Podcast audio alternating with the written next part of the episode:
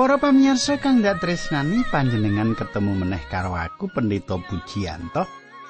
Kepiye kabare panjenengan apa panjenengan apik-apik kabeh? Panjen panjenengan tak dongakake supaya panjenengan tansah mang tinepino saka sambe kala apa-apa.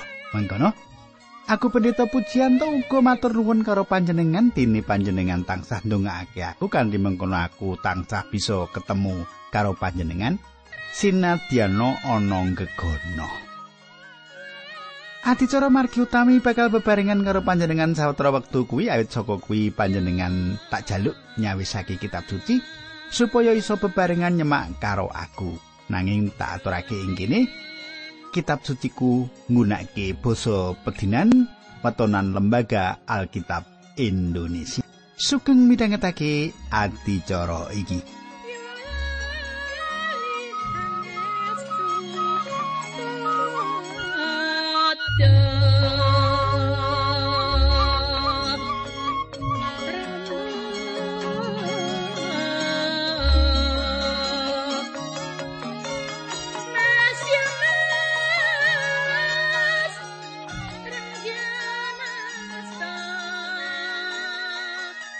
Katanggu apa panjenengan icih kelingan patemon kepungkur aku matur apa karo panjenengan? Nek tak beleni setitik ing patemon kita kepungkur kita wis nyinau kepiye Gusti Yesus mbeleni nyetake gegayutan karo tujuan saka anggone rawuh nalika semono lan uga pengadilan kang bakal dumadi ing pungkasaning jaman. Nah, sebanjure kepiye kita bakal nyemak ing patemon iki? Nanging sadurunge kuwi monggo kita ndedonga dhisik. Duh Kanjeng Rama ingkang ada dampar wonten kraton ing kasuwargan ingkang kawula sembah wonten ing asmanipun Gusti Yesus Kristus. Kawula ngaturaken kuing panuwun tini wekdal menika kawula saged tetunggilan kalian sedherek kawula lan kawula nyuwun supados ing patemon kawula menika ing tetunggilan kawula menika Tinebino saking tulak sari lan kawulo tolak sadaya panguwasanipun iblis ingkang badhe mendhet pangantikanipun Gusti saking manah kawulo. Dinambaran asmanipun Gusti kawulo Yesus Kristus kawulo netunggal haleluya amin.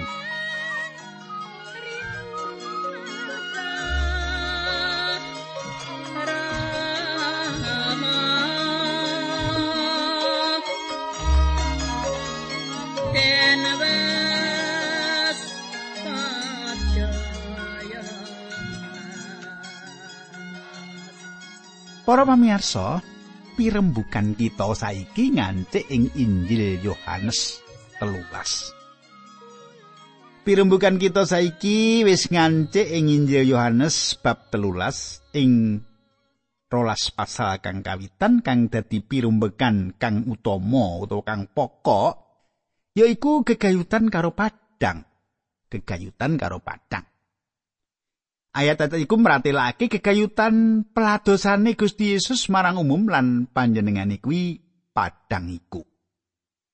Panjenengane padang iku.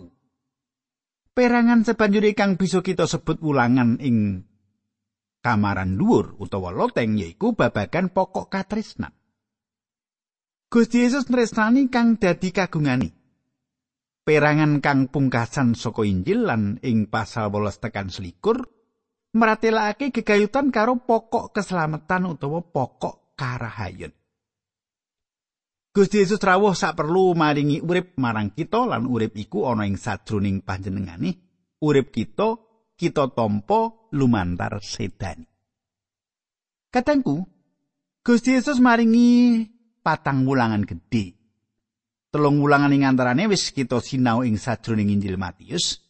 Khotbah ing gunung Matius 5 ayat 7, wulangan bab wadi pasemon Matius telulas, kang meratelake gegayutan kratoning Allah lan wulangan ing gunung Saitun Matius partikur lan selawi. Saiki kita wis tekan ing wulangan ing kamaran dhuwur kang ditulis ana ing Yohanes telulas nganti pitulas. Wulangan iki sawijining wulangan kang gedhe dhewe kang tau diparingake dening Gusti. Wulangan iki yaiku sawijining wulangan kang paling dawa lan kang banget mawa teges kanggo kita ing dina iki awit saka iku Gusti Yesus ngasta para murid kagungane ing kamaran dhuwur lan ana ing kono panjenengane mratelakake kayekten anyar marang para murid mau. Pelatusan kang ditindakake Gusti Yesus marang umum wis mandek lan panjenengane wis ditampik. Saiki panjenengane paring pangandika babagan katresnane marang kita, kepiye anggon kita kudu nindakake urip secara Kristen, bab panjangkung kang dicawisake panjenengane kanggo kita, lan bab gegayutan antarane panjenengane karo wong-wong kang wis dadi kagungan. Katanggu, nalika Gusti Yesus munggah ing pamentangan ing salib, panjenengane ora meratelake pawarta marang wong-wong Farisi utawa para pemimpin pemerintahan Rom. Pawartane yaiku kaparingake marang para murid kagungane. Sumitraku kang dak tresnani. Kita saiki wis ngantik sawijining lelakon kang banget dening ngidapi-dapi yaiku Gusti Yesus misui sikile para murid kagungane.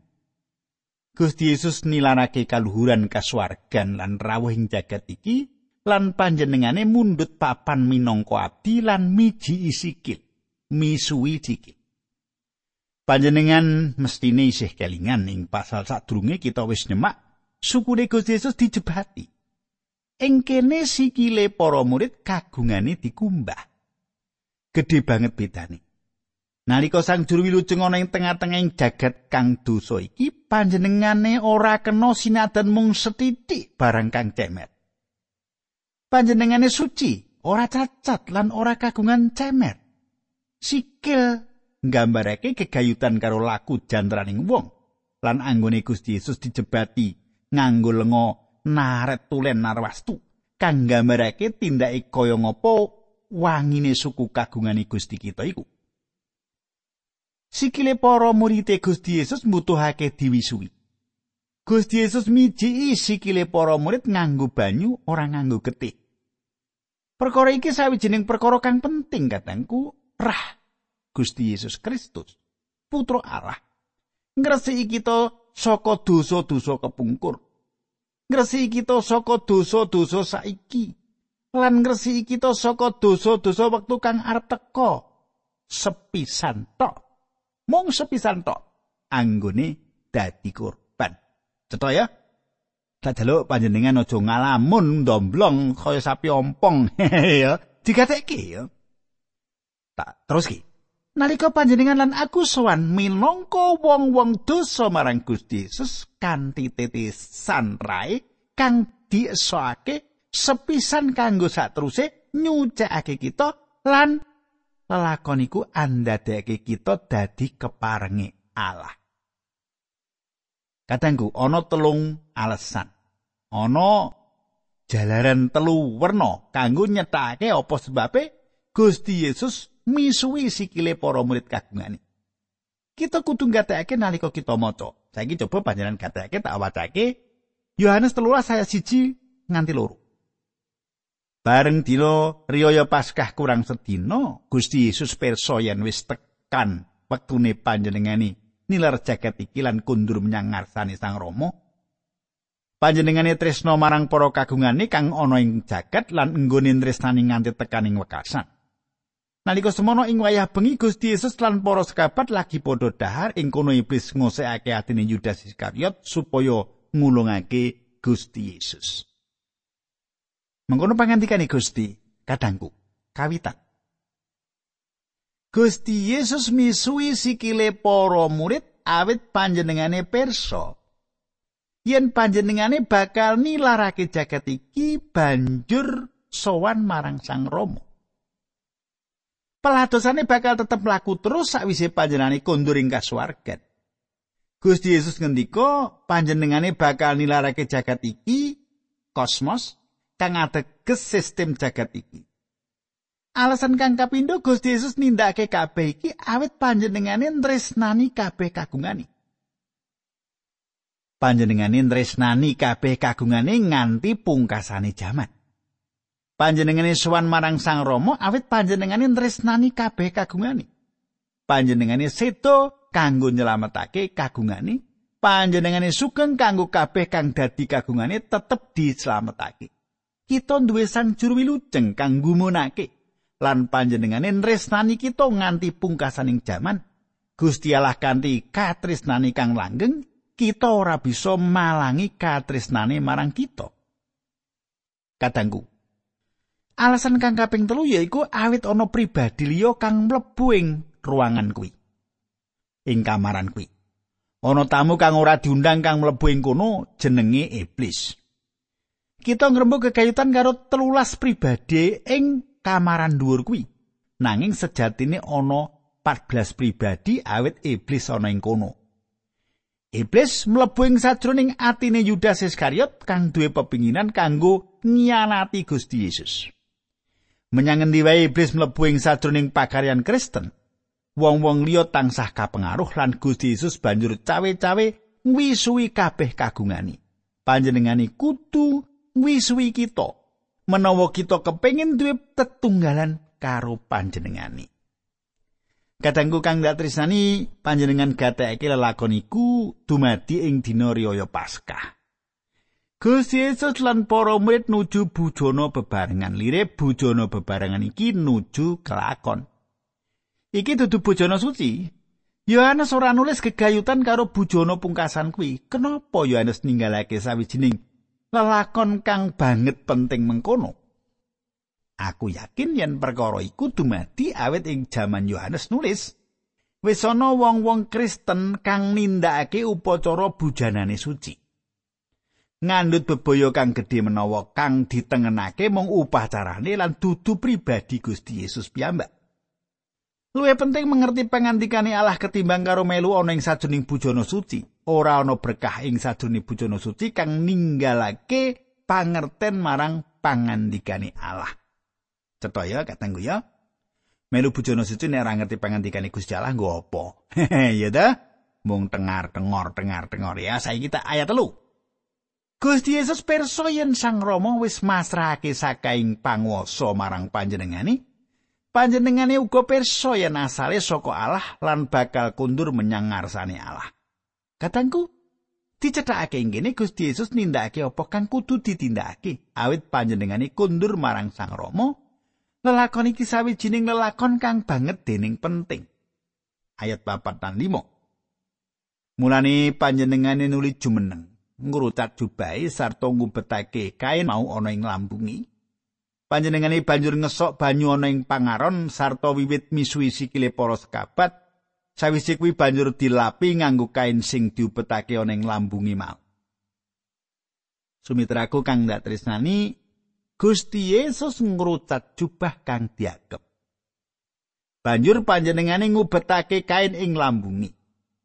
Apa kang ditindakake Gusti iki sawijining perkara kang aneh. Panjenengane mapanake badane minangka sawijining abdi.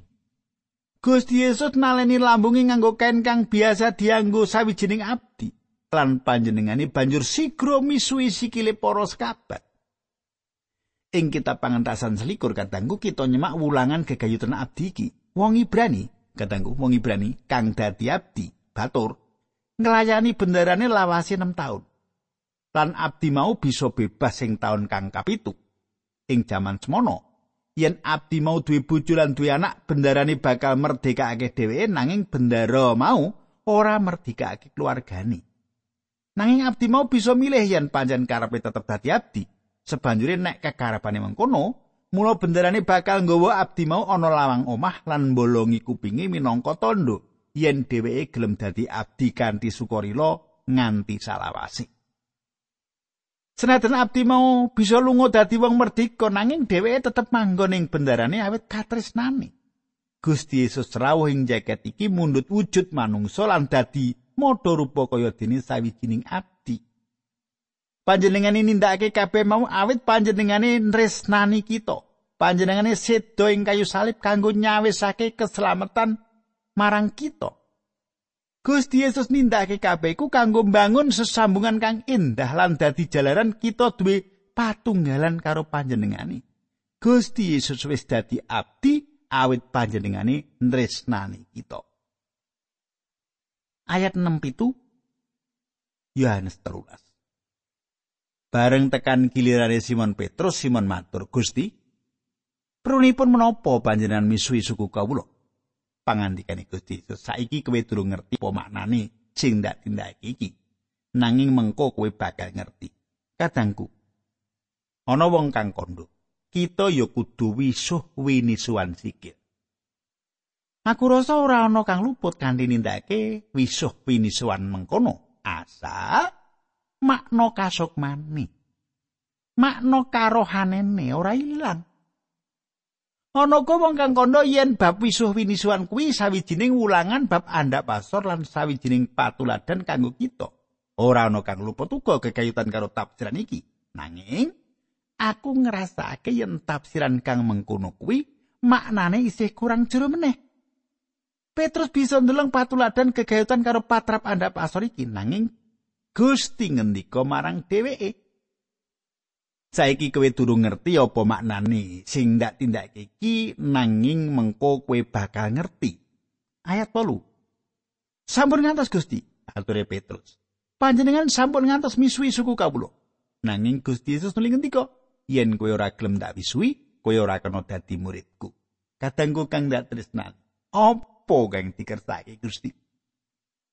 Apa kang dikersake Gusti iki? Kang dikersake Gusti yaiku yen perkara iki ora ditindakake mula ora bakal ana patunggilan karo panjenengani Gusti Yesus naleni lambungi nganggo kain lan paring pangandika marang kita yen kowe ora gelem ndak wisuwi. Kowe ora kena dadi muridku.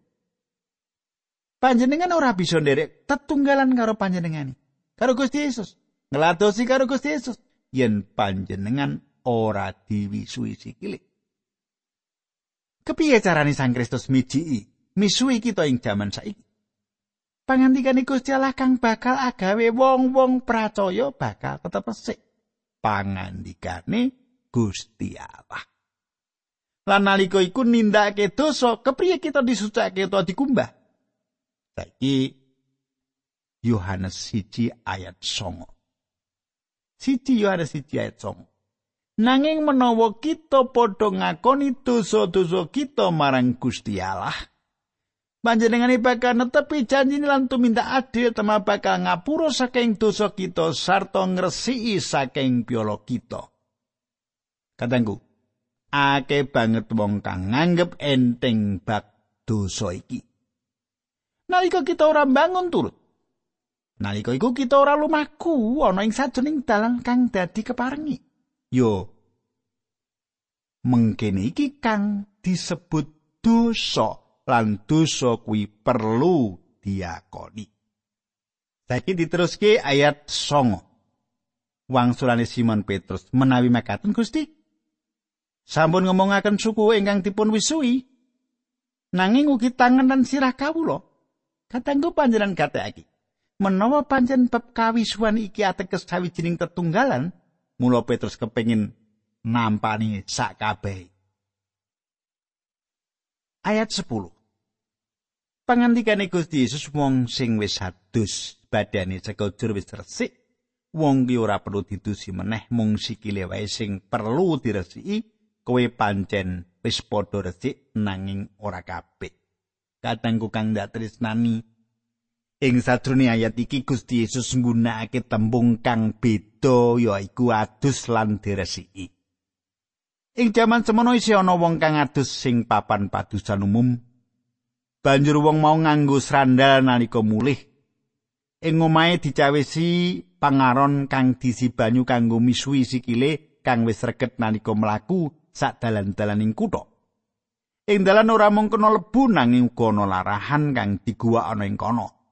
Dadi senajan wong mau lagi wae adus, wong iku kudu wiswi sikile nalika wong mau mlebu ngomah. Katanggu Gusti mulangake marang kita nalika kita tekaning kayu salib, nalika kita swaning Gusti Yesus, badan sak kujur kita wis didusi.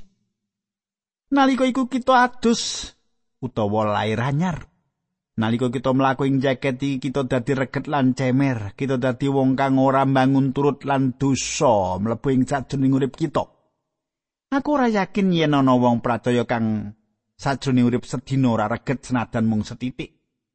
Gusti Yesus paring pangandikan, kita ora bisa tetunggalan karo panjenengane yen kita reget. Dadi pawisuan sikil iku kanggo sawijining tujuan supaya mulihake anggone padha tetunggalan karo panjenengane. Ing layan 1 Yohanes 1 ayat 6 lan 7 katulis Mulane yen kita ngaku tetunggilan karo panjenengane, mongko kita nglakoni dosa, kuwi kita padha goroh lan urip ana ing sajroning pepeteng. Nanging yen kita ana ing pepadang kaya dene panjenengane ya ana ing pepadang, dadi nggon kita padha tetunggilan kuwi nyata lan rai Gusti Yesus Sang Putra nglebur sakabehing dosa kita. Sumitraku kang ndak tresani supaya sikil kita diwisui, kita kudu luwih dhisik ngakoni dosa kita. Ngakoni ateges kita setuju karo Allah. Lirik kandhani kita padha karo apa sing dingendikake Allah gegayutan karo dosa kita. Salah sawijining bab kang angel dhewe ing jagat iki yaiku kang andadeke wong-wong suci ngakoni yen dheweke uga wong kang dosa. Ora sumana, ora peduli, kurang tresnani, kabeh dipirsani Allah minangka dosa. Nanging ora mung iku, menawa panjenengan kersa diwisui sikil panjenengan, panjenengan kudu nyelehake sikil panjenengan ana ing asne Sang Juru Wilujeng. Patrap mengkene iki kang sinebut bangun turut.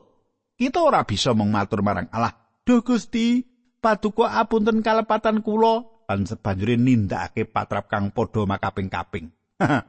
patrap kang kaya mengkono kuwi ateges kita ora nyelehake sikil kita ing astane Sang Juru Wilujeng.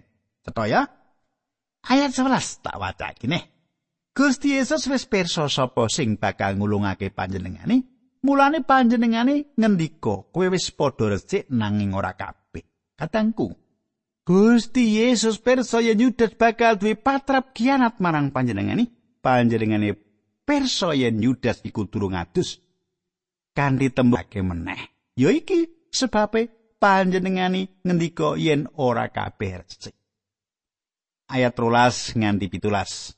Sawise Gusti Yesus rampung nggone misui sikile para sekabat panjenengane nuli ngagem jubai meneh. Sarta wangsul lenggah panjenengane nuli ndika marang para sekabate mengkini, apa kowe ngerti tegese apa sing mentas ndak tindake marang kowe mau? Kowe padha nyebut aku guru lan Gusti lan panyebutmu kuwi bener awit aku iki guru lan Gusti. Lah saiki yen aku sing dadi Gusti lan gurumu wis misui sikilmu, dadi kowe yo kewajiban wisuh pinisuan sikil. Nggonku menehi tulodo kowe kabeh kuwi supaya kowe padha nglakonana kaya sing wis ndak marang kowe.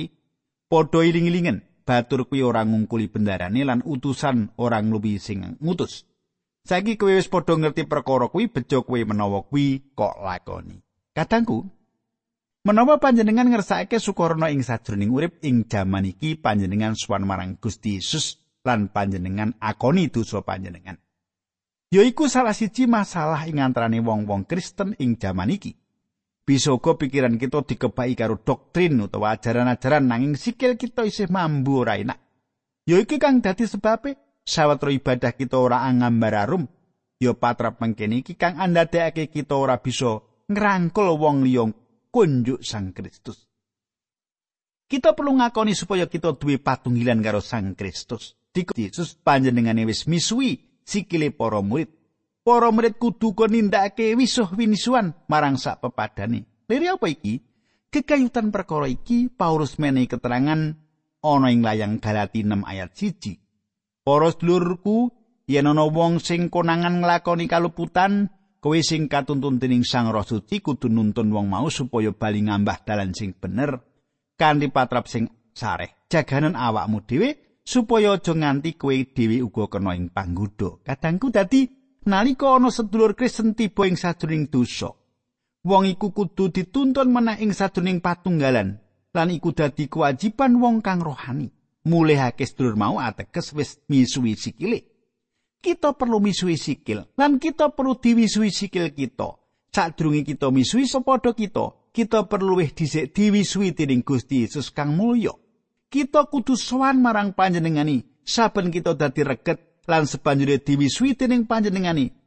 Kadangku priyayi kang nulis jabur jabur 1 nganti 4 Duh Allah kawula mugi paduka titi priksa. Paduka pirsani kawon ing saknyatanipun. Kawula mugi paduka uji so sapangangen-angen kawula. Mugi paduka ningani mugi paduka priksa Menapa lampah kawula nyeleweng nuntun padukun tuntun ing margi ingkang langgeng. Katangku, ora ana wong siji wae kang sedina iki ora nindakake dosa. Kita perlu ngakoni ana ing ngarsane Gusti lan cemawis dikumbah. Kita dikumbah kanthi pangandikane Gusti. Patrap kang mengkene iki mapanake kita ing sajroning patunggilan karo Gusti Yesus. Aja dicarni sedina liwat tanpa patunggalan iki. Aja ngejarni dosa ngrusak patunggalan iki. Kadangku banjur kepiye teruse kita bakal nyemak ayat-ayat sebanjuri saka Injil Yohanes iki nanging tentune ora saiki ana patemon kita dina candhaki. Mula sesuk menawa aku suwan panjenengan aja nganti panjenengan ora mirengake. Ayo kita tetep. Kanjeng Rama ing swarga matur nuwun pangandikanipun Gusti mugi saged berkahi kawula sami dados kegiatan. Dinambaran asmanipun Gusti Yesus Kristus kaulan tunggu haleluya. Amin